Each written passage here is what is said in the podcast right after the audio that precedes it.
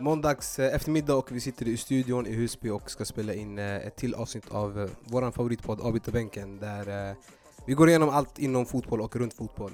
Men idag har vi med oss Mustafa, Dini och mig själv Yasser. Dini, what's up man? Vad händer broder? Vad gör du? Det är lugnt, hur mår du? Det är lugnt, det är lugnt. Hur har du spenderat din uh, sköna måndags start på veckan?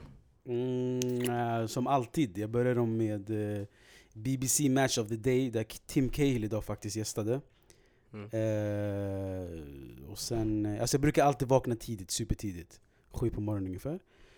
Uh, så du vet, jag försöker alltid recapa vad som hänt under helgen. Uh, fotbollsmässigt då.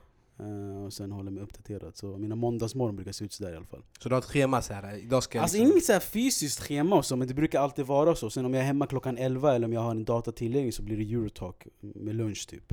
Sanne, det här är ändå intressant. Alltså. Vad är dina go-to-sidor du, går och kollar när du alltså det, ska hitta det, din det, fakta? Det kommer jag inte säga under spel. Nej, Nej men alltså egentligen jag har inte så go-to-hemsidor. Så jag gillar bara, jag är mycket ute på Twitter, och jag, är, jag följer olika profiler, och när man följer olika hashtags och profiler så hittar man ju olika nyheter och så. Sen självklart så följer man stora nyhetssidorna, typ Goal och Fotboll Italia och Fotboll i Spanien och så vidare. Okej, okay, nice. Mustafa?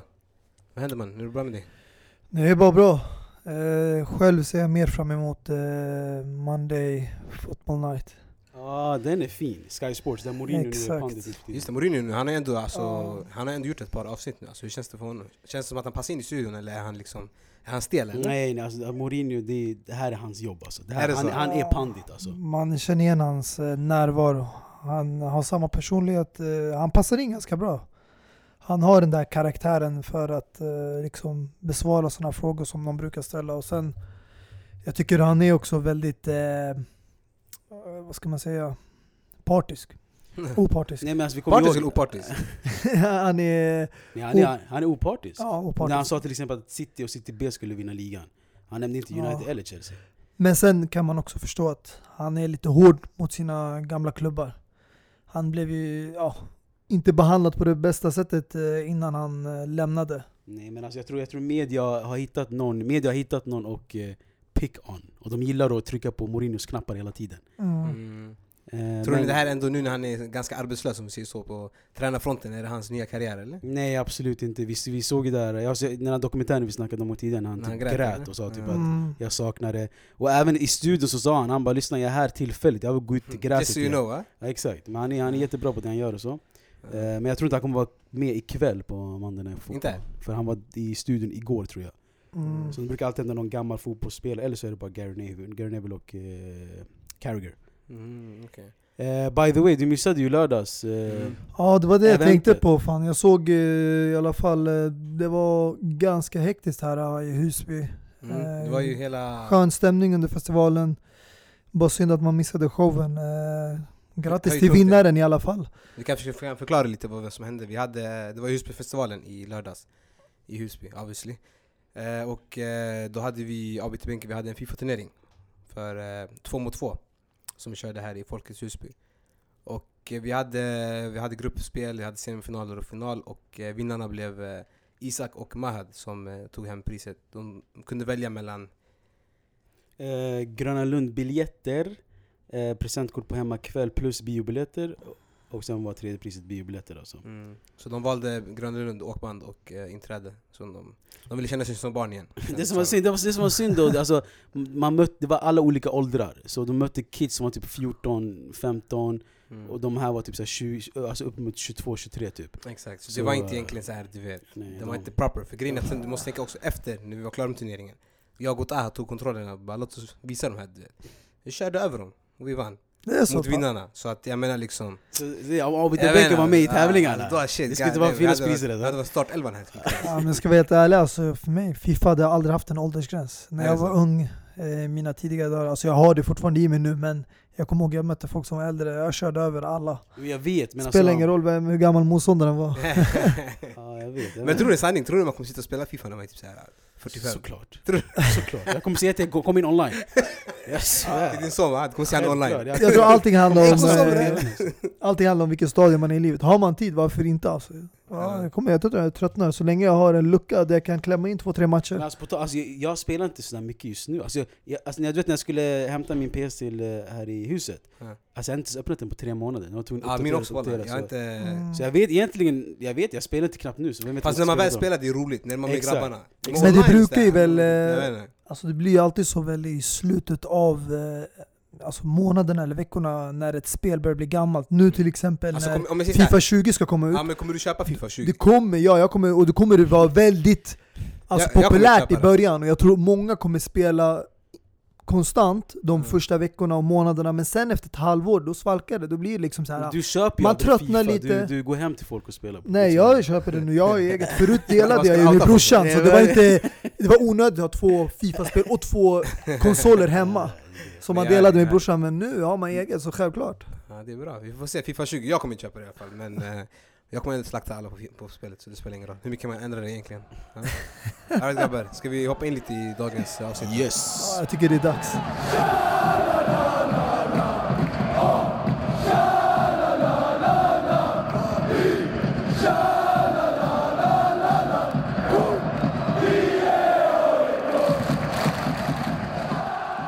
Börjar på hemmaplan där vi såg en, eh, ett derby i Stockholm, AIK och Djurgården. Där vi såg eh, Stockholms vackraste lag återigen visa vilka som är derbykungarna.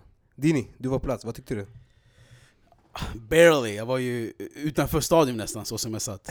när, när jag var på plats och det var jätteskön atmosfär som vanligt när, när två Stockholmslag möts. Alltså det var, alltså festen var mer i publiken än i fotbollen. För oss vara ärliga, alltså det är en jättelåg kvalitet i Men skulle i du säga allsvenskan. att, att liksom, när det gäller just atmosfären, att den är världsklass när det gäller Stockholms... Den är ju det, Derby. absolut. absolut. Alltså, alltså svenska, svenska fans är ju, är ju världs, alltså internationellt kända. Speciellt Hammarby då. Ah, Nej alltså jag, jag snackar fakta just nu bara, du får tycka vad du vill. vart är Hammarby kända någonstans? Nej alltså hela historien varför de heter Bayern kommer ju från ett engelskt smeknamn. Om du inte visste det. Nej, jag visste inte det. Ja, så Förklara de, de, de är interna- alltså, när jag, alltså, jag vet inte exakt nu, men någon, när engelsmän skulle uttala Hammarby så sa de Hammarby. Så Bay, Bay fastnade och sen nu heter de Bayern. Och jag vet, jag vet att det finns en så här, sports, så här, vad heter det, sportsbar i eh, Storbritannien någonstans som heter Hammarby. Ah. Ja, som inte har, hur som helst. I, alltså, I festen och fansen, jätte, jättestor, jätteskön atmosfär, ni såg ju tifon och allting. Eh, och så, det kan man absolut inte klaga på. Men sen om man ska snacka fotbollsmässigt och kvaliteten, den är jättelåg. Alltså, den är superlåg. Alltså jag och Aymen när vi satt vi försökte räkna ihop om de kunde få fem passer emellan. Det gick ju knappt.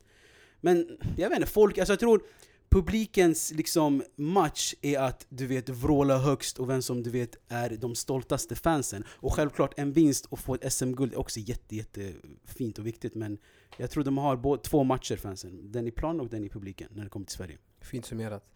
Eh, vi såg ju också en eh, Nabil Bahoui som är tillbaka. Jag tänkte bara lite kort innan vi går vidare från det här. Eh, hur gammal är han nu? Han är som oss va? Han är väl 92, 91 väl? Ja, han är där 27-28 någonstans va? Mm. Eh, han är tillbaka nu i eh, AIK. Och eh, jag tänkte bara, jag vet inte, det kändes som att när han väl du vet, kom fram att han hade så mycket potential. Mm. Hur känner du nu? Är det liksom, är det, är det stopp nu eller? Alltså, det, ja, alltså, han, alltså, det, alltså Nabbe är ju inte ensam om den här, det här syndromet eller vad man kallar det. Ortens syndromet eller vad ni kallar det för. Alltså det, är, det är den här när du, när du besitter en supertalang och du är skitkvick, skitsnabb, bra dribblingar och så. Alltså du tänker jag är bäst. Mm. Jag behöver inte träna lika hårt som de andra. Och sen du, de andra kommer komma ikapp dig. Så jag tror det hände eh, Bahoui och en massa andra eh, talanger. Men när han kom in igår, han var frisk. Ehm, och så, han är fortfarande en bra fotbollsspelare, absolut. Men jag tror... För jag tänker det var ju det snacket, det var La Liga-lag som var ute efter han Premier League-lag, men han Mm. valde, vad var det, Saudiarabien va? Eh, exakt, men han var i en sejour i Tyskland också väl? Ja men det var efter. Ja exakt. Ja. För, exakt första Tror du att det där. Saudi-valet, tror du det liksom satte alltså, prägen på hans karriär? Ja definitivt, satte käppar i hjulet fan, definitivt. För alltså Saudiarabien, ingen kollar på fotbollen längre bort än eh, alltså, österut. Mm. Alltså, det så han satte käppar i hjulet för sig själv i karriären. Eh, men sen, sen är ju också frågan om hans mål var att tjäna pengar på sin karriär, som jag tycker också är jätteviktigt att folk tänker på. Det här är ändå ditt liv och du får ju själv eh, alltså välja hur du vill investera i ditt liv. Så om, man vill, om jag gick dit för att tjäna pengar så, så, uh, så lyckades han ju. Men om man ville komma i toppen i Europa så misslyckades han. Alltså jag tror det handlar också mycket om att göra rätt beslut. Eh, bästa exemplet, han spelade också i helgen. Tillbaka till sin eh, moderklubb, eh, det var Tobias Sana. Som eh, gick ju till eh, Ajax förut. Mm. Där Han var man- också en stor talang som man trodde Exakt, skulle... som spådde en ljus framtid. Mm. Men lyckades inte riktigt bra, kom tillbaka. Nu känns det som att det, det har blivit stopp. Han kommer inte bli bättre än vad han är nu. Mm. Men han är mer än alltså, bra för att spela i Allsvenskan och stod nu i helgen för två assist. Mm. När Göteborg vann Sundsvall 2-0 borta. En sån där också, det finns ju i, i, i Bayern också som vi snackade om, eh, Tankovic. Som jag Mm. kommer ihåg ändå var ganska... Som är med i landslaget för övrigt nu också. Han är det? Han, Han, är uttagen i landslaget? Exakt. Okej, ja. Han var ju också en sån här som han, du vet när han spelade i, var spelade han? Det var Premier League någonstans. Fulham. Fulham. Man tänkte liksom att han kommer bli en världsstjärna du vet. Men den här pressen med nya Zlatan och allt det här du vet, det Mm. förstör folk tror jag också. Mm. Men jag tror alltså det, det är ett så, så stort glapp mellan allsvenskan och internationella ligorna så att det är... Mm. Inte bara Tankovic, han har ju sin eh, lagkamrat också, Kasaniklic. Ja, Som han också var i Premier League. Exakt. Och var riktigt bra eh, i landslaget när han fick Mm. spela med Elmander och Zlatan. Exakt. Det finns mycket talang, det handlar Ja. kanske om hur man förvaltar den. Exakt, och eh, på tal om landslagsuttagning, Mar alltså Marcus Danielsson, Djur- Djurgårdens mittback som var given att bli uttagen. Jan Andersson tog inte ut honom så han, han, Mm. valde Jag såg att han fick skit av uh, Djurgårdens tränare. va? han valde Granen istället och så. Men alltså, Det är jag, i jag, Sverige. alltså jag hade en skön diskussion med Kasse igår om att det här, alltså, sådana här val sätter ju stopp för svenska landslagets utveckling. För när du inte, tar, när du inte blandar inhemska med internationella så, så kommer, vad, vad, vad kommer de här äh, internationella spelarna tänka? Ah, jag måste ut i Europa för att få en landslagsuppkallning. Mm. Så det, det, det Att, kommer ju... man, att man förstör för allsvenskan Ja exakt, det är för för allsvenska, det är för allsvenska spelarna och eh, för om du kollar andra landslag i Europa, de blandar inhemskt och Mm. eh, i, i, alltså utanför sitt eget land. Så det mm, Men å andra sidan, Sveriges inhemska, som du nämnde tidigare, har en väldigt låg nivå. Jo jag och vet, kvaliteten är inte lika bra. Därför kanske man Jo, alltid menar- kollar det internationellt. finns ju menar- individuella bra Om spelare. du kollar på andra ligor, liksom, eh, exempelvis om du kollar, det kanske är ett dåligt exempel att jämföra med brasilianska ligan. Eller brasilianska landslaget, där Mm. de alltid lyfter fram de här brasilianska spelarna från deras egna liga. Mm. För att liksom blanda, blanda dem med de här internationella spelarna också. Och det är på det sättet du lyfter upp hela ligan, och du visar fram era egna talanger också. Precis. Nu kanske inte svenska ligan är som brasilianska ligan, men du förstår Ja, poängen. Nej men. Danielsson är ett praktexempel, varför blev han inte uttagen? Ja. Det är bara, jag vet inte. Men eh, om vi lämnar botten av Europa och eh, siktar upp mot toppen av Europa och kollar på CL-lottningarna där vi hade ett par intressanta grupper i helgen nu, eller nu i veckan när det lottades. Eh, vi såg ju bland annat kanske den mest intressanta gruppen blev ju grupp F där vi hade Barcelona, Dortmund, Inter och Slavia Praha. Mm. Slavia Prag är ju definitivt eh, borträknade. Mm. Eh, Det handlar ju om tre klubbar, vem som tar sig vidare. Mm. Jag ser Inter och eh, Barcelona som självklara favoriter. Före Dortmund? Inter? Ja, alltså Dortmund har ett bra lag, men som de visade nu i helgen när de åkte på en 3-1 förlust mot eh, Union Berlin som eh, nykomlingar, kom upp till, första divisionen det här året, så är de inte stabila och har inte samma balans som de andra klubbarna. Och det är kanske också en av anledningarna till varför de inte lyckades vinna Bundesliga förra året. För att eh, de är inte stabila som lag, de är väldigt ojämna. Eh, Men det är som sagt eh, Dortmund vi pratar om, det är inget lag som köper stjärnspelare. Nu har de investerat en hel del den här sommaren, Mm. vilket borde ge bättre resultat. Men det är också väldigt många unga spelare. De har inte så mycket erfarenhet i det här laget. Mm. Eh, så såg vi ju också eh, att Real Madrid har blivit petade ner till pott 2 där de fick eh, hamna med PSG och Club, Brugge och Galatasaray. Mm. Fick också en liten low key smågrupp Ja, alltså. alltså jag tycker allmänt i de här grupperna, det var, blev ju ändå ganska jämnt. Alltså där två topplag finns i typ varenda grupp. Mm. Och Mm. det visar City- utvecklingen också egentligen på fotbollen. Ja, alltså City kanske kommer undan med att uh, Atalanta är det starkaste laget där. Men det känns lite som att eh, det är lite, lottningarna ibland, man känner igen lagen. Det är Napoli, Liverpool, som Mm. var i samma grupp förra året också. Eh, PSG och Real Madrid har varit i samma grupp tidigare, eh, när eh, Zlatan spelade i PSG. och Ronaldo, Real Madrid. Och City, eh, City och Shakhtar är alltid i samma grupp nästan. Exakt, eh, det var den kombinationen jag tyckte också. Där, de har ju hamnat nu kanske där för att tredje gången i samma grupp. Så det är många lag som hamnar eh, i samma grupp år efter år och det känns som att ibland kan man tro att de här lottningarna Mm. är triggade. Ja, eh, på tal om PSG, eh, Icardi är nästan klar för franska klubblaget. Och jag tror han är på läkarundersökning as we speak. Vilket är lite, ganska bra värvning av PSG. Alltså, ja, alltså de har ju ändå Cavani tänker jag. Så okej, det, det låter jättesaftigt när man hör... Cavani är ju en, en som ska försvinna efter säsongen till USA tror jag, Miami. Mm. United eller vad de hette. Och, eh, nej vet du vad de hette faktiskt? Miami, in, Inter Miami heter de. Ja, är- Internationale Miami. Det väl Bara David, klippte namnet rakt av. det är väl David Beckhams eh, lag. Är hans lag? Ja. Ja, han ska ju dit. Så jag tänker att, eh, alltså Icardi är ju inte bara, vad är han? 27? 28 någonting sånt. Nej, han är i 93 93, ja 25, 26 då. 26 ja. Ja. Han är ju, alltså det är ju, Icardi är en av världens bästa anfallare. Det är bara att han har hamnat lite utanför Contes 11 nu. Alltså jag tror det kan vara en perfekt ersättare för att Ja. nu börjar de med ett lån så han hinner integreras i laget och gör han bra ifrån sig så kommer de med största sannolikhet köpa loss honom eftersom Cavani har gjort det klart att han kommer, det här blir hans sista säsong och han lämnar. Men eh, går det inte så bra för honom och han floppar, då kommer inte jag tror PSG utnyttja den här köpoptionen och då kommer kolla efter andra alternativ. Det finns många anfallare ute i marknaden. Snackas det om Eh, lån med köp? Att de måste, eller förlåt, lån med att de måste betala någonting? Eller är det bara Nej, det är option att kunna köpa då. Option bara, eller hur? Alltså jag vet inte om de har spikat det, först var det bara vanligt lån, men nu tror jag det. Alltså, si- sista jag såg var att 65 miljoner köpoption efter säsongen. Jag vet inte om de har spikat det än och så. Ja, vad Men- tycker ni om att liksom ändå stärka sina konkurrenter i Europa med, med Alltså- att ge dem en sån spelare? Alltså egentligen är det ju inte konkurrenter på så sätt att de, de är inte i samma grupp i Champions League till att börja med. Om man, sen, om man förväntar sig, alltså inte det är ju ändå starka i år. Jo ju, jag vet, men alltså, man, alltså vart, ska han, vart, vart ska Icardi skeppas? Alltså, ett, ett lag som inte spelar Champions League, eller så om man tänker så så kommer Jag de vara tänker bara på ett konkurrenter i lån alltså. slutändan. Jag menar om man säljer det är en annan sak. Nu lånar du bara ut Ja men jag tror det är, det är deadline och det är svårt att få ihop Alltså, jag ett, tror, eh, eh, alltså, sälja, så jag tror ett lån eh, ett- de enda klubbarna som ville köpa honom och lägga pengar ut nu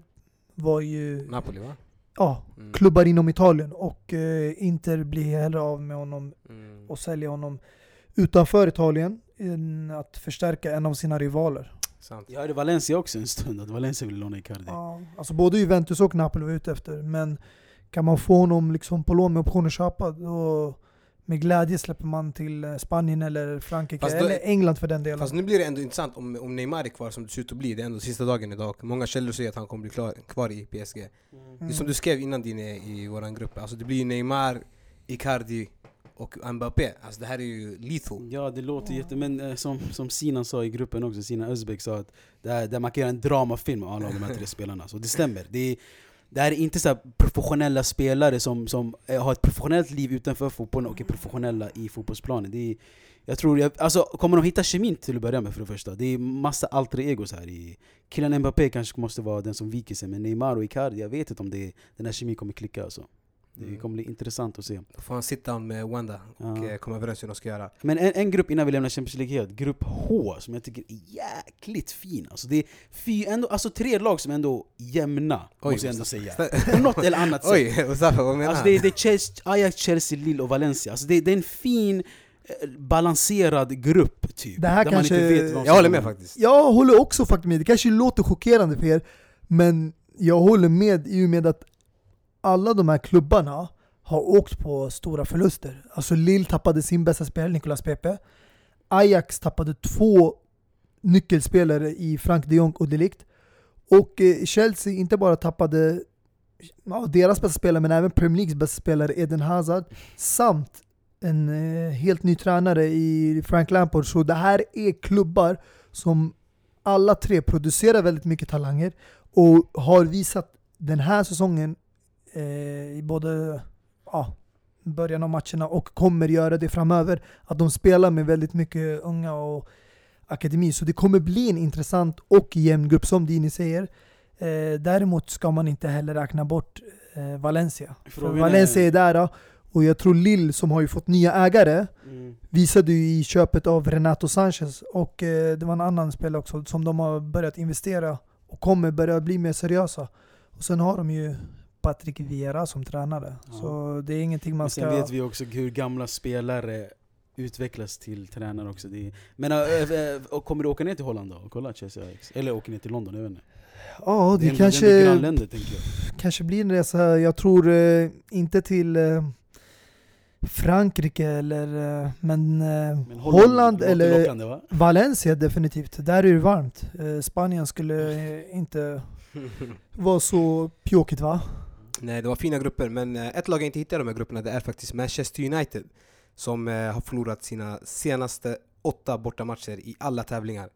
Och eh, det här United hittar vi faktiskt i Europa League som har fått grupp L där man har Astana, Partizan och AZ Alkmaar. Jättesvår grupp alltså. Det är... Dini är alltså upptagen på torsdagar framöver. Exakt. Exakt. Jag älskar det här varje Så- säsong. Jag Nej, bra. älskar det också. Vad, vad händer Dini? Åtta senaste matcherna på bortaplan. Torsk. Ja, Eller ingen det, vinst. det vände snabbt från att snacka du vet, roligt och Champions League till... Men vi kan ta det snabbt alltså. Det är som sagt, vad, alltså, vad, jag kan bara upprepa mig som jag sa förut. Alltså, det är, vad vill jag ska säga? Vad vill jag ska svara på? Ja, var ska man börja någonstans? Vad händer? Vad, Olle, hur länge är han kvar? Spelarna, hur ser truppen ut? Nej, men alltså Ole kan vi inte klandra för alla spelare han har hämtat in, alltså handplockat, har levererat. De har levererat. Så det är fortfarande det här döda köttet som han försöker ge sig bort med och hitta sin spelstil helt enkelt. Så jag vill, jag vill bara hålla mig jättekort när det kommer till United. För det finns, alltså jag, jag har sagt allt jag kan säga om United. Jag har till och med stängt ner alla frågor om United förra säsongen och så. så alltså jag tror vi alla har svaret på era frågor Jag vill, jag, egentligen. vill bara, jag vill bara teasa med det egentligen om jag ska vara ärlig mot dig. Mm. Jag tror ändå Europa League är en eh, bra chans för de här klubbarna som har Oj, oj, det oj. tuffare i ligan. Oj, oj, oj. Jag tror definitivt Arsenal, United, Sevilla. Barca. Ja, alltså, det, det är eh, lite hackigt för det. är de här italienska klubbarna också. Lazio, eh, Milan blev ju utslängda men eh, de här klubbarna som är med där kommer ta det mer än seriöst för att det är ändå en biljett in till Champions League. Mm. Så är du på gränsfall till att eh, Faktiskt, det är ju... komma, komma topp 4 eller topp 6 Mm, då har du en större chans att ta dig in till Champions League genom Europa League. Så faktiskt. Det, man ska inte räkna bort eh, den turneringen eller de lagen. Om vi håller oss kvar i England och kollar på Liverpool som vann 3-0 borta mot eh, Burnley och vi såg en ganska irriterad Mané som blev utbytt i 85 minuten där han satte sig på bänken och eh, Henderson fick lugna ner honom ganska rejält där. Dini, vad var det som hände egentligen? Alltså, egentligen vet vi inte men det, det, det, det som alltså verkligen tyder på varför han var arg det var att eh, Salah basically var, var, var, var självisk hela matchen. Eh, Mané har serverat Salah f- flertal gånger och det var en, ett läge där Salah alltså verkligen kunde passa Mané i ett nästan öppet läge och Mané skulle göra ett till mål var det väl, han, gjort, han gjorde ett mål i den matchen. Exakt. Ja, och han blev frustrerad och när han kom ut i bänken så alltså han, alltså han var skitarg alltså. Eh, man fick lugna ner honom och allting och så. Och jag förstår Mané, helt ärligt alltså. Salah, alltså han behöver tio lägen för att göra ett eller två mål. Och han är inte den, den, den vad ska man säga, den, den mest lagspelaren som du kan hitta i världen. Så jag förstår min broder Mané. Ja, så jag tycker eh, med all rätt att han blev irriterad. Eh, vissa fokuserar ju mest på individuella prestationer. Eh, speciellt när man leder kanske med 2-0, 3-0 och tänker att den här matchen är redan säkrad. Ja, då kan man försöka göra någonting på egen hand och ja, ta vara på en chans. Men vissa tänker ju alltid på laget före jaget och då vill man liksom Eh, bästa exemplet egentligen är ju till exempel eh, Man City. När jag ser dem spela och Bernardo Silva kanske kommer fri, eller Sterling. De kan servera varandra, eller Agüero, istället för att skjuta själv, även om de leder med 3 eller 4-0. Och istället ser vi sådana här siffror där City går ut med en 5-0 vinst, 6-0 vinst, för att de spelar för varandra. De spelar mer som ett lag än Liverpool. Alltså den spelaren som jag tycker är en lagspelare i Liverpool, och det kommer alla hålla med om, det är Firmino. Han är den största lagspelaren. Sen har vi Mané och Salah som är lite mer, ja de vill göra egna mål. Och vi hade förut en liten diskussion som var lite rolig, och det var det här med vissa spelare får ju be, betalt för eh, mål, Bonus. extra bonusar. Och då var det någon som sa, men de tjänar så pass bra att de här bonusarna gör någon knappt skillnad på lönen. Men kan det vara så att de tänker pengar, lite extra i fickan, jag kan köpa extra present till eh, dottern, till frugan, eller kan det bara vara så att eh, de känner, ja men vet du vad, jag vill vinna skytteligan, jag lyckades inte förra året, Mm.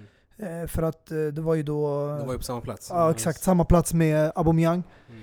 Och då kanske man känner, vet du vad, det här året vill jag verkligen göra en bra start. Och han har ju fått igång målskyttet efter eh, matchen mot Arsenal. Så det är, men jag, som sagt, jag kommer aldrig kunna ursäkta en spelare för att han vill satsa på att vinna skytteligan grejen är- individuella. Han ska alltid välja spela för laget än eh, sig själv. Alltså jag håller med dig delvis. Alltså, grejen är den här sekvensen, man kan dela upp det i två delar. Alltså, det var, det var en del jag gillade, en del jag mindre gillade. Den jag, den jag mindre gillade det var att Salah inte passade sina lagkamrater, eh, Firmino och Mané och så här, obviously. Men det jag gillade i den här sekvensen, det är hur Mané eh, agerade. Han gick ut i en 3-0-ledning, Liverpool hade redan säkrat sin, sina tre poäng, men ändå var han frustrerad. Varför? För, han vill åka, för förra säsongen som Mustafa sa, de delade på eh, skytteligan, och han vill fortsätta vet du, var vara den här notoriska målskytten. Men eh, Salah har ju också utvecklats nu till en notorisk målskytt, men eh, det funkar inte. Han har varit självisk och eh, förstört för sina lagkamrater. Men jag gillar ändå den här energin som Mané visar, att även om de leder med 3-0 så vill han ändå spela sitt bästa, och när inte sina lag, lagkamrater hjälper honom så klart han blir arg. Och jag vill bara, innan vi lämnar Liverpool helt, jag vill också eh, förstärka det Mustafa sa, Firmino, vilken spelare. Han är, den, eh, han är nu den första brassen som har gjort 50 mål i Premier League.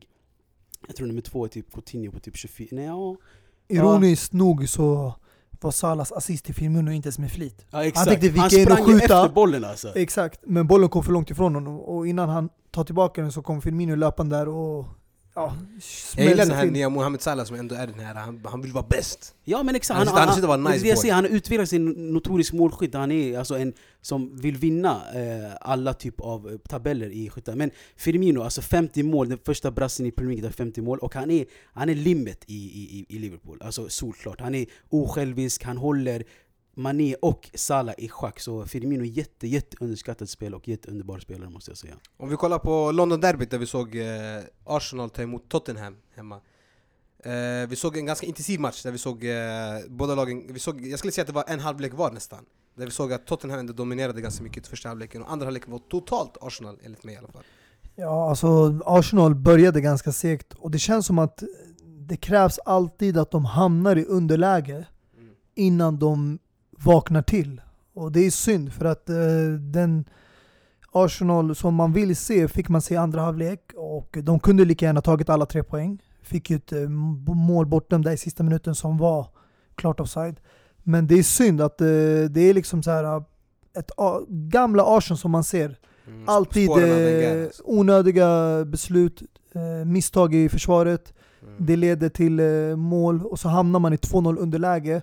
När man egentligen borde liksom kunna kontrollera matchen och komma ut i alla fall med ett 0-0 resultat i halvlek och sen eh, ta kommandot andra halvlek. Men eh, jag tycker det i alla fall var en bättre val av startelva. Vi fick se Lacazette tillbaka. Och försvaret, det är fortfarande skakigt. Tyvärr kommer de inte kunna göra bättre än så här eftersom de har inga bättre alternativ på bänken. Det enda förstärkningen jag kan se just nu det är ytterbackspositionerna och det är när Hector Bellerin kommer tillbaka och eh, Kieran Turney som de värvar från Celtic. Ja, Dini, vi såg ett ganska fantasilöst Tottenham som kom ut i andra halvlek. Skulle du säga att eh, det är liksom att det här laget, att värvningar som de inte gör och att spelarna som de tappar och så vidare, att det börjar komma ikapp dem? Alltså jag tror delvis är det också en anledning, eh, men jag tror också alltså Lacazettes mål innan halvlek gav, eh, alltså Emerys halvtidsvilsnack, eller vad man ska kalla det, jätteenkelt. Alltså de behöver bara fortsätta på den energin de lämnade av och sen, som du sa, de totalt dominerade matchen. Eh, och sen med alltså Guendouzi som jag har varit jättehård mot de senaste, alltså sen han kom till Arsenal, alltså jag måste ändå ge en eloge. Alltså, han är bra och när vi satt och kollade matchen tillsammans, det var många som inte gillade honom. Jag, alltså där och då, jag började förstå Guendouzi lite. Jag började förstå vilken typ av spelare han är. Han är den här äh, jobbiga eh, bollhållaren, alltså, alltså väldigt så här, ful i spelet. Så jag förstår varför Emery gillar han och han spelar 90 minuter dag in dag ut. Så Emery, alltså han är en bra tränare och jag tror han måste bara hitta sin, sin elva. Han kan inte bara hela tiden experimentera där uppe alltså. För det, det förstör självförtroende, det förstör formen fr- främst för spelarna. Så han måste hitta sin eh, elva. Och på tal om det, Mkhitaryan har jag hört att nu är nästan klar för Roma Mm. eh, på lån. Eh, två United-spelare i eh, Roma och två United-spelare i, i Inter. Ja, Fint att vi tar hand om Fick Serie A. faktiskt eh, nys om den eh, nyheten i morse. Mm. Blev lite chockerad med tanke på att han kom in igår och gjorde ett inhopp. Ja, exakt, det var det jag tänkte. Jag bara, hur fan kom du till Det, Rom det är som de säger, vinden vänder fort. Exakt. Men eh, på tal om Tottenham och eh, deras fantasilösa spel där i andra halvlek. Det är som Pochettino själv har sagt. Eh, det är ingen ro i omklädningsrummet nu när transferfönstret är fortfarande öppet för de andra ligorna. Mm. Och om Eriksen blir kvar, trots allt, så tror jag att eh, Tottenham kommer förbättras och vi kommer se ett starkare Tottenham under säsongen. Nu har det bara varit liksom mycket oro för att man vet inte vem som blir kvar och vem som kommer lämna. Mentalt alltså. Exakt, och eh, det känns som att han har börjat anpassa eh, spelstilen när de möter topplagen på bortaplan. Vi såg det mot eh, City där de blev totalt dominerade men ändå kom ett oavgjort.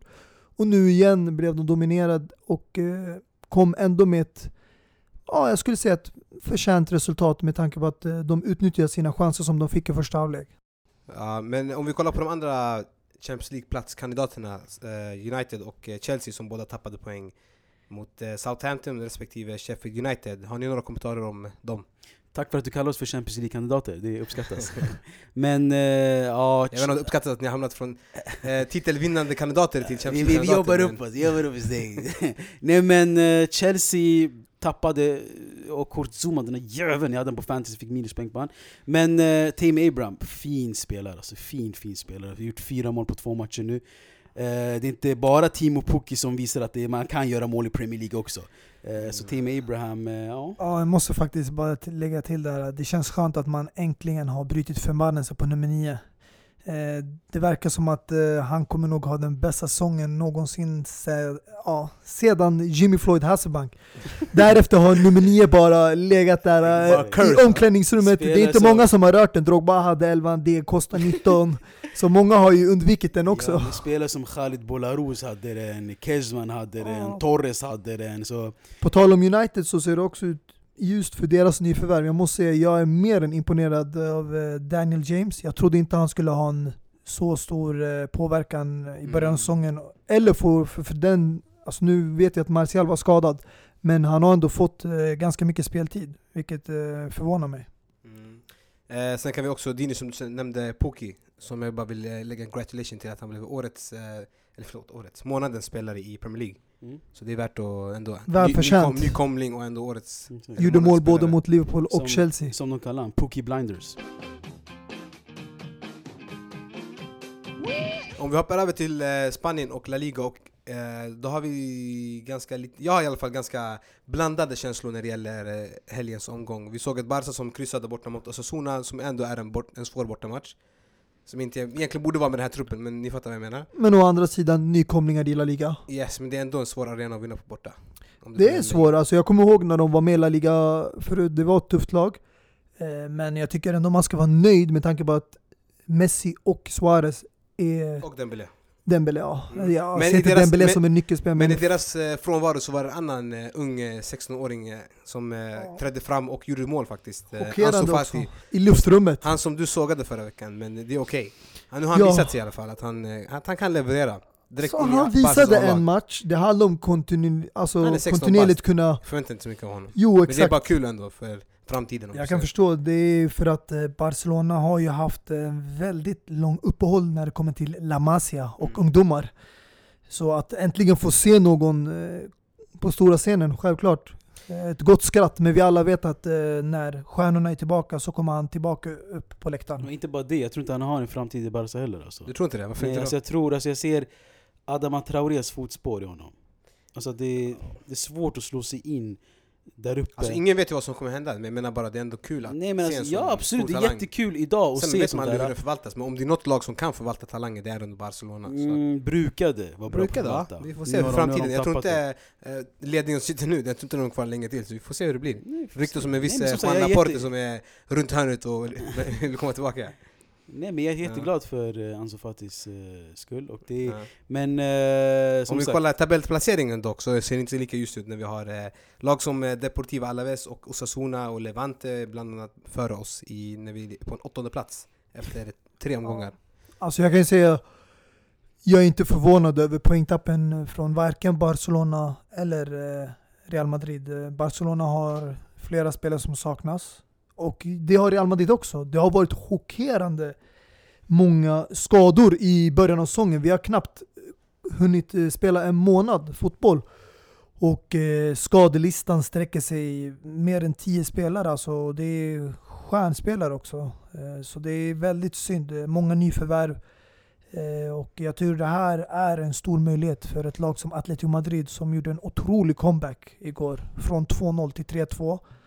Eh, tre viktiga poäng att eh, verkligen gasa ifrån de andra topplagen. Och jag sa det från början, jag var inte med här i La Liga men eh, avsnittet, men jag tror på Atletico Madrid i år.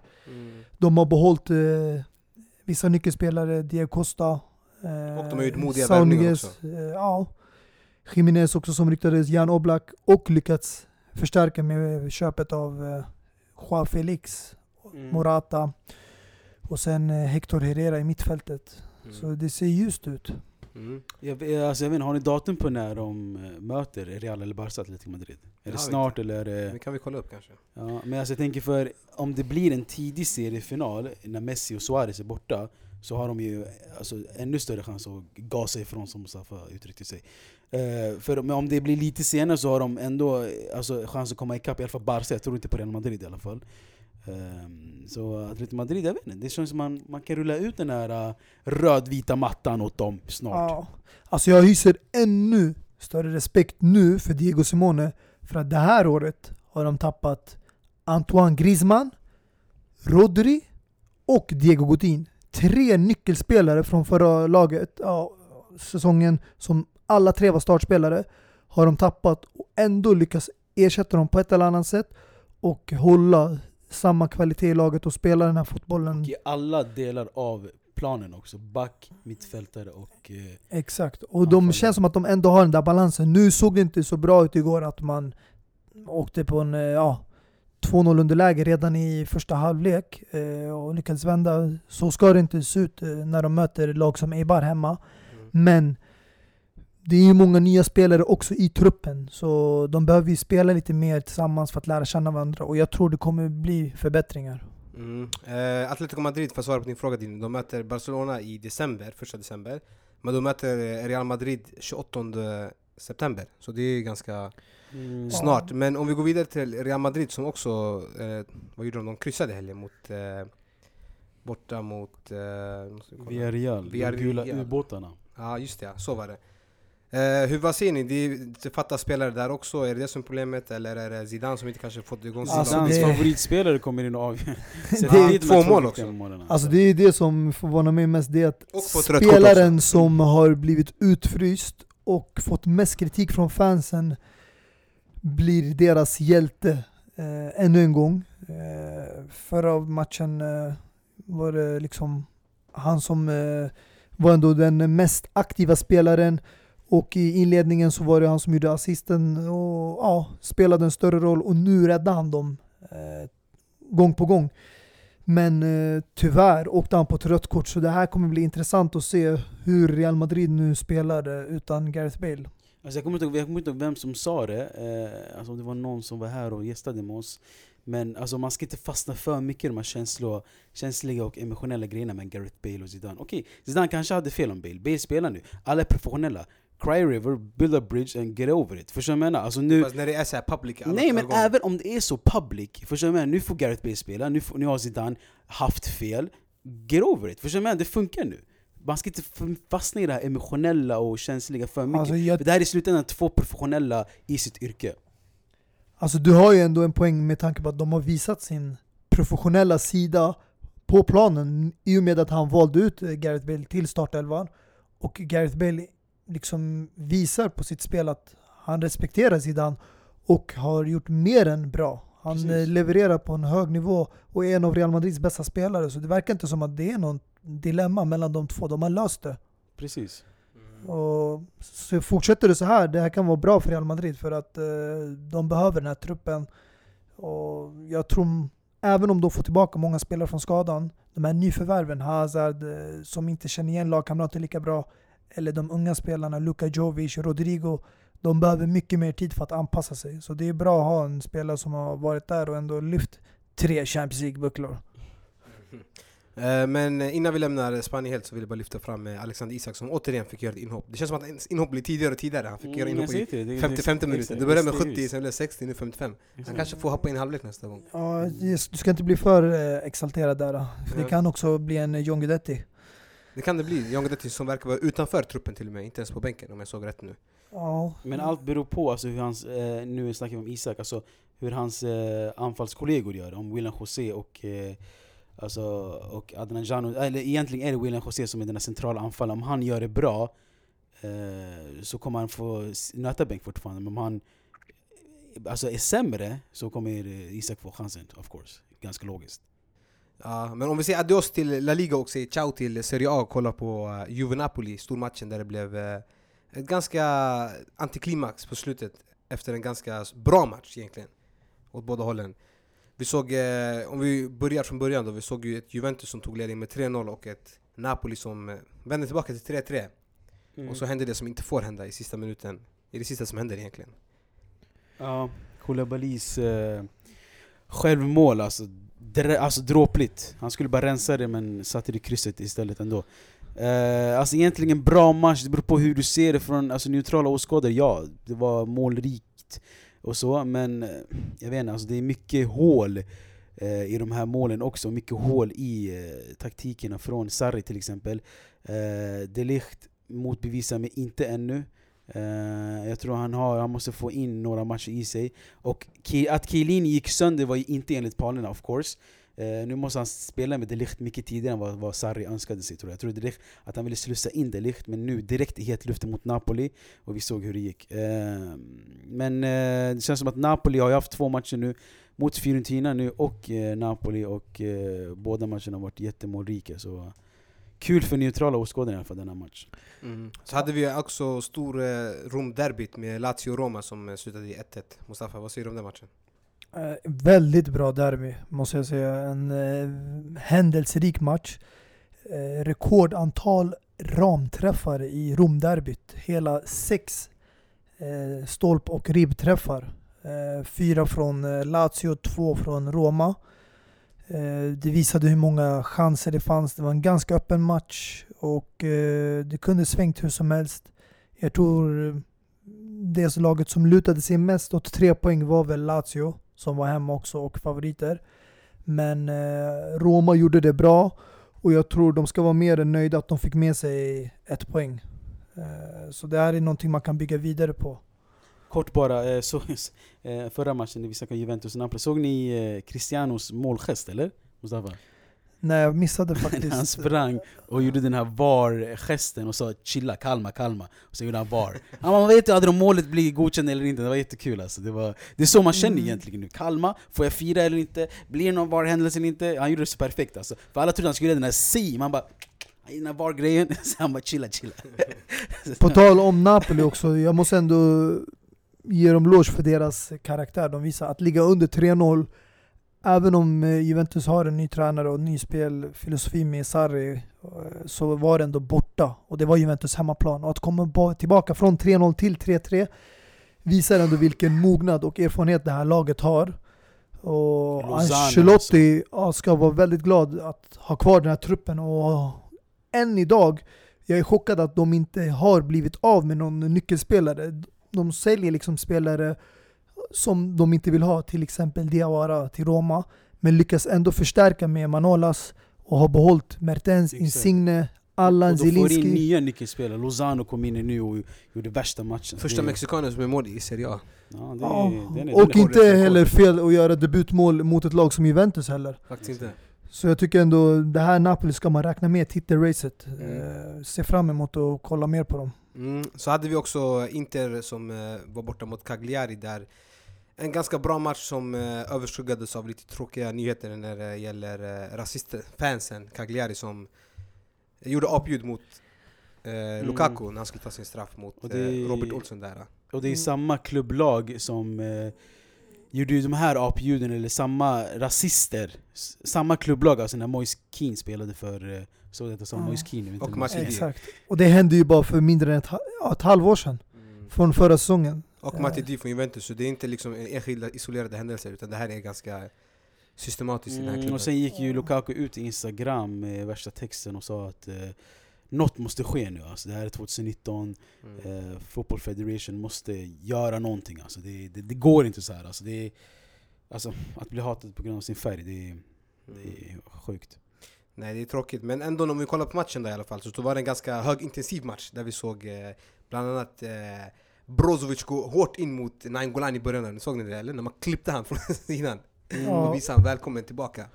Ja, bara där fick vi se direkt tidigt gult. Ja. Eh, Man Det får var försöka, många gula kort den här matchen, det var jag tycker Cagliari gjorde en bra match. kort, eller? Eh, Inter ska, kommer nog vara riktigt glada. De fick med sig tre eh, pinnar. Eh, blev ju räddade där av en eh, straff som gav dem ledningen och Jättefin snurr av Sensei där också, om ni såg Mm. det. Mm. det är ju avgörande matchhändelser men eh, viktigt eh, att hålla ikapp med Juventus som sagt. För de fick ju också tre poäng med sig i sista minuten. Så. Mm. Vi såg ju inte Alexis Sanchez heller få debutera i den här matchen, det kanske inte var rätt match för honom att debutera. Men vad förväntar vi oss av honom nu när han är klar för Inter? Är, han liksom eh, den sista pusselbiten där för Conte? Nej, eh, det är Nej. ju en till pusselbit eh, på väg in. Det är, Rebic från Frankfurt. Tyvärr, han Sägs ju vara till i- Milan. Ja, Milan. Ja, Mm, det vände det, snabbt. det räckte, ryktades mycket till Inter, men ja, nu verkar det bli Mm. rivalklubben. Det, det är inte så svårt har jag märkt att ändra färgen blå till röd, Nej. eller respektive Det är samma- röd det är till samma blå. stad. Han, han, tänkte att det är en samma arena liksom. nej, han, vände, han vände bara ryggen och sa ah, jag är Milan där, okej. aj." Så, eh, nej men alltså jag vill bara lyfta upp Sensei än en gång, jag gjorde det igår också, eller igår, förra avsnittet Assist och eh, ors- alltså, fixade straffen till Lukaku, så eh, nyförvärven verkligen levererar för Inter eh, Så vi får se när deras första test kommer, när de möter en stor klubb Innan vi eh, avslutar det här avsnittet så kan vi snacka lite om eh, ganska stora maktskiften i fotbollen där vi såg eh, en mittback vinna för Messi och Cristiano i Uefas Player of the Year. Där Mm. vi såg Van Dijk ta hem eh, titeln. Förtjänt, oförtjänt? Vad säger ni? Alltså det är blandade känslor måste jag säga. Oförtjänt för att Sergio Ramos har haft minst lika bra pres- prestationer i Champions League eh, i Real Madrid när de eh, vann Champions League tre år i rad eh, och inte bara var en nyckelspelare utan också avgörande med sina mål. Eh, I finaler och semifinaler mot Atletico Madrid, Bayern München. Så jag tycker på så sätt är det oförtjänt. Men å andra sidan, man väljer oftast ut en spelare som spelar för det vinnande laget. Och Van Dijk har tyvärr ingen konkurrens som Messi och Ronaldo i sitt lag. Så det fanns väl ingen annan bättre kandidat än Van Dijk i Liverpool. Men eh, om det är någon jag skulle kanske ha röstat ut till en vinnare, eh, då är det kanske Messi. Som hade ändå en bra Champions League-säsong fast de åkte ut i semifinal. Ja, alltså jag håller med dig i mycket du säger och även om man frågar hans eh, fellow före detta backkollega Rio Ferdinand Han sa ju Mm. också, jag fattar, jag är själv mittback och det är jättekul att en mittback vinner Men alltså han sa ju att det vi ser Messi och Ronaldo producera idag har vi aldrig sett i våra liv Så det, det är lite oförtjänt på det sättet, precis som du uttrycker det, att van Dijk vinner Men, men den again, man förstår logiken bakom det också Och det känns som att nu, ju mer åren passerar, vi fotbollsfans, vi blir mer bortskämda. Man tar nu Ronaldo och Messi för givet. Att de ska alltid vara där. Men nu behöver inte de vinna, för att de har vunnit så mycket. Man tänker, det räcker. Ge dem inte mer priser. Vi måste ändra lite på mönstret. Men egentligen har de skapat det här mönstret av en anledning. Och det är för att de har gjort någonting som ingen annan har gjort under de här ja, 10-15 åren som de har delat mellan varandra. Exakt Och jag tycker de förtjänar det. Om de är, håller den här standarden framöver så fortsätter det. Så ska det vara mellan de två. Man ska inte behöva placera någon som Modric, Ballon d'Or vinner eller Van Dijk till Uefa bara för att bryta det här mönstret. mm. Mm. Det är intressant, vi får se vem som blir eh, Ballon d'Or- Ballon d'Or-vinnare i år då. Om det blir Van Dijk eller om det blir någon av de två stora giganterna som eh, börjar gå mot sitt slut i eran, om vi säger så. Men eh, om vi är klara med det så tänkte jag att vi kan kolla igenom våran eh, Fantasy Premier League lite. Där vi ser att återigen så är Benim i topp. Ja, det känns som att du vill prata om det här bara för att ja, det är definitivt jag vill prata du om. har det bara. eh, fått lite... Ja, Lite vadå? Tur på sin där, sida. Tur! Oj, Ja. kan man ha tur i Premier Jag märker Nej, men alltså, många oss har inte- ärliga, låt oss vara ärliga, låt oss vara ärliga. Ja. Ibland vet inte så om vilket, vilket, alltså, vem du har satt som kapten. Hey, spelar Kelly eller inte? Ja, men det att vi, kan- vi kan ju blotta vad, vad chattgrupperna Ja, jag säger kan alltså. säga, det som hände var att jag hade bytt in Kelly i, Ja. från Crystal Palace i min backlinje. Ja. Och, och när jag skulle kolla i appen sen så står det att Rico är kvar. Och Rico Mm. som hade fått 0 poäng och Kelly hade fått 6 poäng. Jag bara vad fan är det som händer för något? Jag har bytt in killen. För den jävla appen buggar. Och sen bytte han till, sen kom han in till slut, jag fattar inte vad Ja som men på hände. grund, som Mustafa sa i gruppen, på grund av att Rico inte spelade Så kommer din Mm. första back in om en spelare är bänkad och Aha, så inte det var får göra inhopp. Mm. Okej men det där, var, Eller- men det, där var bara, det där var bara 6 poäng. Hur förklarar ni resten av mina Nej, men och 50 sen- någonting poäng? Nej och sen har du använt wildcard och Ja, sen, har du, wildcard, det och sen, och sen, och sen, och sen förra omgången kapten, du, du vill ha kapten på Sterling fast den, den ändrades inte till slut, den hamnade fortsatt på Okej. Salah så gick det plus där också. Nej, alltså lyssna! varför hatar nej du- nej nej, jag hatar du inte! för- Varför hatar du Nej, för sjunde plats? Jag hatar inte, respekt, respekt till att du leder, men det har bara gått typ, vad är det? Tre omgångar, fyra omgångar? Tre Ja, omgångar? något sånt där. Ja exakt! Fyra, fem. Ja. Ja, Det är exakt. fyra och det är 30 omgångar. plus omgångar kvar, Ja, Kalmar! Jag är där i toppen. alltså, för, mig, det- alltså, för, mig, roliga- för mig, det här är Game of Thrones. Det Nej, handlar om att hålla sig kvar på toppen. Ja, nej men det, Det alltså, det roliga, jag, jag vill inte ens vara i toppen nu Det är bara jättedåligt Det är att vara i toppen jag, nu jag ska, jag ska smyga fram 32 omgången sådär Jag är City, du är United brorsan. Det är så det Ja fungerar just nu. vi får se Men i alla fall, om vi summerar och kollar så är Dini på sjunde plats som sagt. Mustafa 14 plats. Men du kan väl säga topp eh, top Du kan ju säga också att jag klättrade från 38 platsen Ja. till 14 Det är jättekattigt. med ja, en fin startelva, men som sagt, eh, det känns som att många kikar på andras elvor och tar lite Ja, idéer och Nej, tips jag- jag ska- härifrån jag jag, jag skulle inte kolla ner och se Det är min elva att kolla på i så fall. Nej, Ja, ja, ja, alltså, vissa ska kollar kolla- ju ner ska för om man att- kan blocka, så, alltså, så att man kan gå in och... Alltså, nej, det är mycket alltså, man tar initiativ från Ja, jag tror inte folk scrollar ner till 15 plats och kollar på vem som är Nej, där. man tar inspiration från mitt lag, ska inte Abbas ljuga. 39 plats och Aha, ändå den stora överraskningen som avancerat från sida 2 på när man... man vet inte gå till sida 2 längre på tabellen. Nej men alltså, han måste, Han är man på sida ett alltså, nu. man måste ge en eloge, han fick 80, Två poäng. 82 poäng. Hela omgången som är På- jättekattig Som tog han hela vägen upp till en 45 plats och han säger grabbar, var inte chockade om jag är där uppe i topp 10 inom eh, två tre år." Alltså det, det kan vända fort. ord.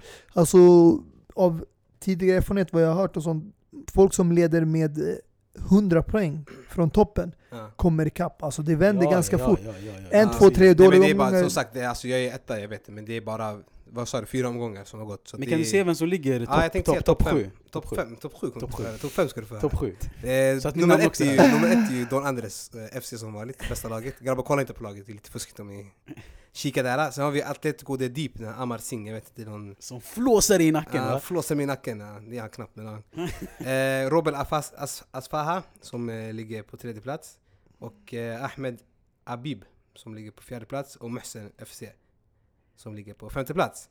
Så att, eh, ja, alltså det är det, många där som är ett praktexempel är ju till exempel Dini som gick rakt ut och bara tipsade om Timo Pukki. Vilket inte han borde göra. Fast Och sen ser vi honom dagen efter i Yasser och Amars startelva. Mm, det är det jag En spelare som inte ens de Kände till! känner till eller har koll på. Och sen bara plötsligt bara Det är så kamma jävla poäng. Okej. Men det är också... Men det, var inte jag, det var inte jag som såg upp honom i vårt Premier League avsnitt i uppstarten när jag snackade om att han kanske kan göra succé det här året Och jag tänkte ta in honom från början, efter jag såg första matchen, jag ärlig, efter första matchen när han mötte City tror jag det var va? Liverpool. Liverpool. Liverpool var det. Ja, jag hade redan honom då. Jag tänkte ta in honom efter det, men jag bara vänta, låt mig köra, för han hade någon stor match kvar, han hade City kvar tror jag, eller hur? Nej, City möter han de mötte? nu. Chelsea, utan- Chelsea förlåt, han hade Chelsea kvar Ja. Jag tänkte låta han bara ta sig förbi Chelsea, jag tar in honom för han enkla matcher efter Ja, det han gjorde ju succé både i Liverpool och Chelsea Ja jag vet, men jag tog in han sen jag kokade för han gjorde, han gjorde hattrick eller någonting va? Ja exakt, Efter det jag tog in honom, jag bara nu måste jag ta in han heter den här det är det jag menar I alla fall, men det, det, man kan inte hata från första plats. Jag kollar bara uppåt grabbar, jag har ingenting ovanför mig. Ja. Så det var väl allt för idag och eh, vi är tillbaka alldeles strax med... Exakt, vi Vad har vi på gång? Vi har någonting på Insta också på gång. Exakt, vi har börjat med en sån här uh, ny grej där vi varje månad har ett quiz från föregående månad. Nu till exempel så finns ett quiz från augusti uppe på vår story. Jag tror det är några timmar kvar i alla fall om ni vill göra den. Eh, jag tror nog eh, svå- svårighetsgraden var lite hög på den alltså. Jag såg inte folk Oj. som hade alla rätt i alla fall hittills. Varför hatar du på våra följare? Nej men jag bara säger, de det var, de, de var, de, var, de, var, de var lite knepiga alltså. Men, men hur som helst, vi ska ju fortsätta göra det här varje månad. Och det är basically alltså det som har hänt det föregående månaden, det som är aktuellt och så kommer finnas på frågesporten. Yes, så in och kika på Insta och eh, svara på frågorna och se om du är bäst av Yes, våra sir. följare. Så det var allt för oss. Tack för idag. Peace! Find time, we can run one. Talk about some things we can undo. You just in the pen, I can find you. Six one on the money, nine two. You just say the word and I run through. Two texts, no reply. That's when I knew, I knew, I knew, Yeah, I, I knew. circumnavigate the globe as the cash grows. Get a nigga whack like you get the grass mowed. I'm talking slick when I'm with the big slime, nigga. Could hit your bitch, you can never hit mine, nigga. In my DM, they electric slide, nigga. No catfishing, this is not a fish fry, nigga. Never switch sides on my dog. Catch a contact, hit your ride, go to Mars. Everybody sing. How could you come about your face and say I ain't the hardest nigga you'd have never heard? I left off like a rapper's dead and bird. A verse for me is like 11 birds. Just did the math, it's like $2,000 every word. I'm on the purge, I beat the church. I killed some niggas and I walked away from it. Then I observed just how you curved and told them nigga that they gotta wait for it. I know, I know you ain't hot man. I'm balling on them pussy nigga like you want a man. I'm drowning all inside the pussy like I never swam. Hey, fuck your IG, I put something on your sonogram. I'm the man. Hey, hey. Me, me, me at the London. If you find time, we can run one. Talk about some things we can undo. You just in the pen, I can find you. Six one on the money, nine two. You just say the word and I run through.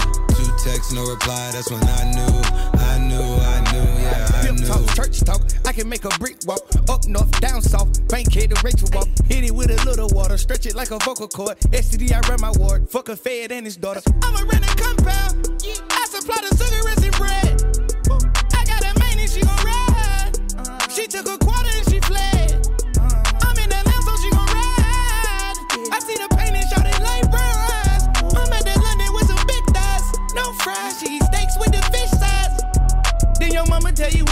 fire, stop driving road.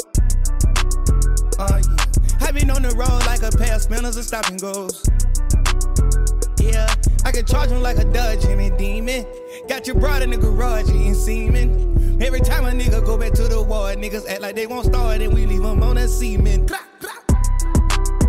Me, me, me at the London. If you find time, we can run one. Talk about some things we can undo. You just in the pen, I can find you. Six one on the money, nine two. You just say the word and I run through. Two texts, no reply. That's when I knew, I knew, I knew, yeah, I knew. I crush down with your money. Forty-four times, won't play. Son, phone, sight. It ain't I, I might. Time, might. City wall, time, with the toe. Phone.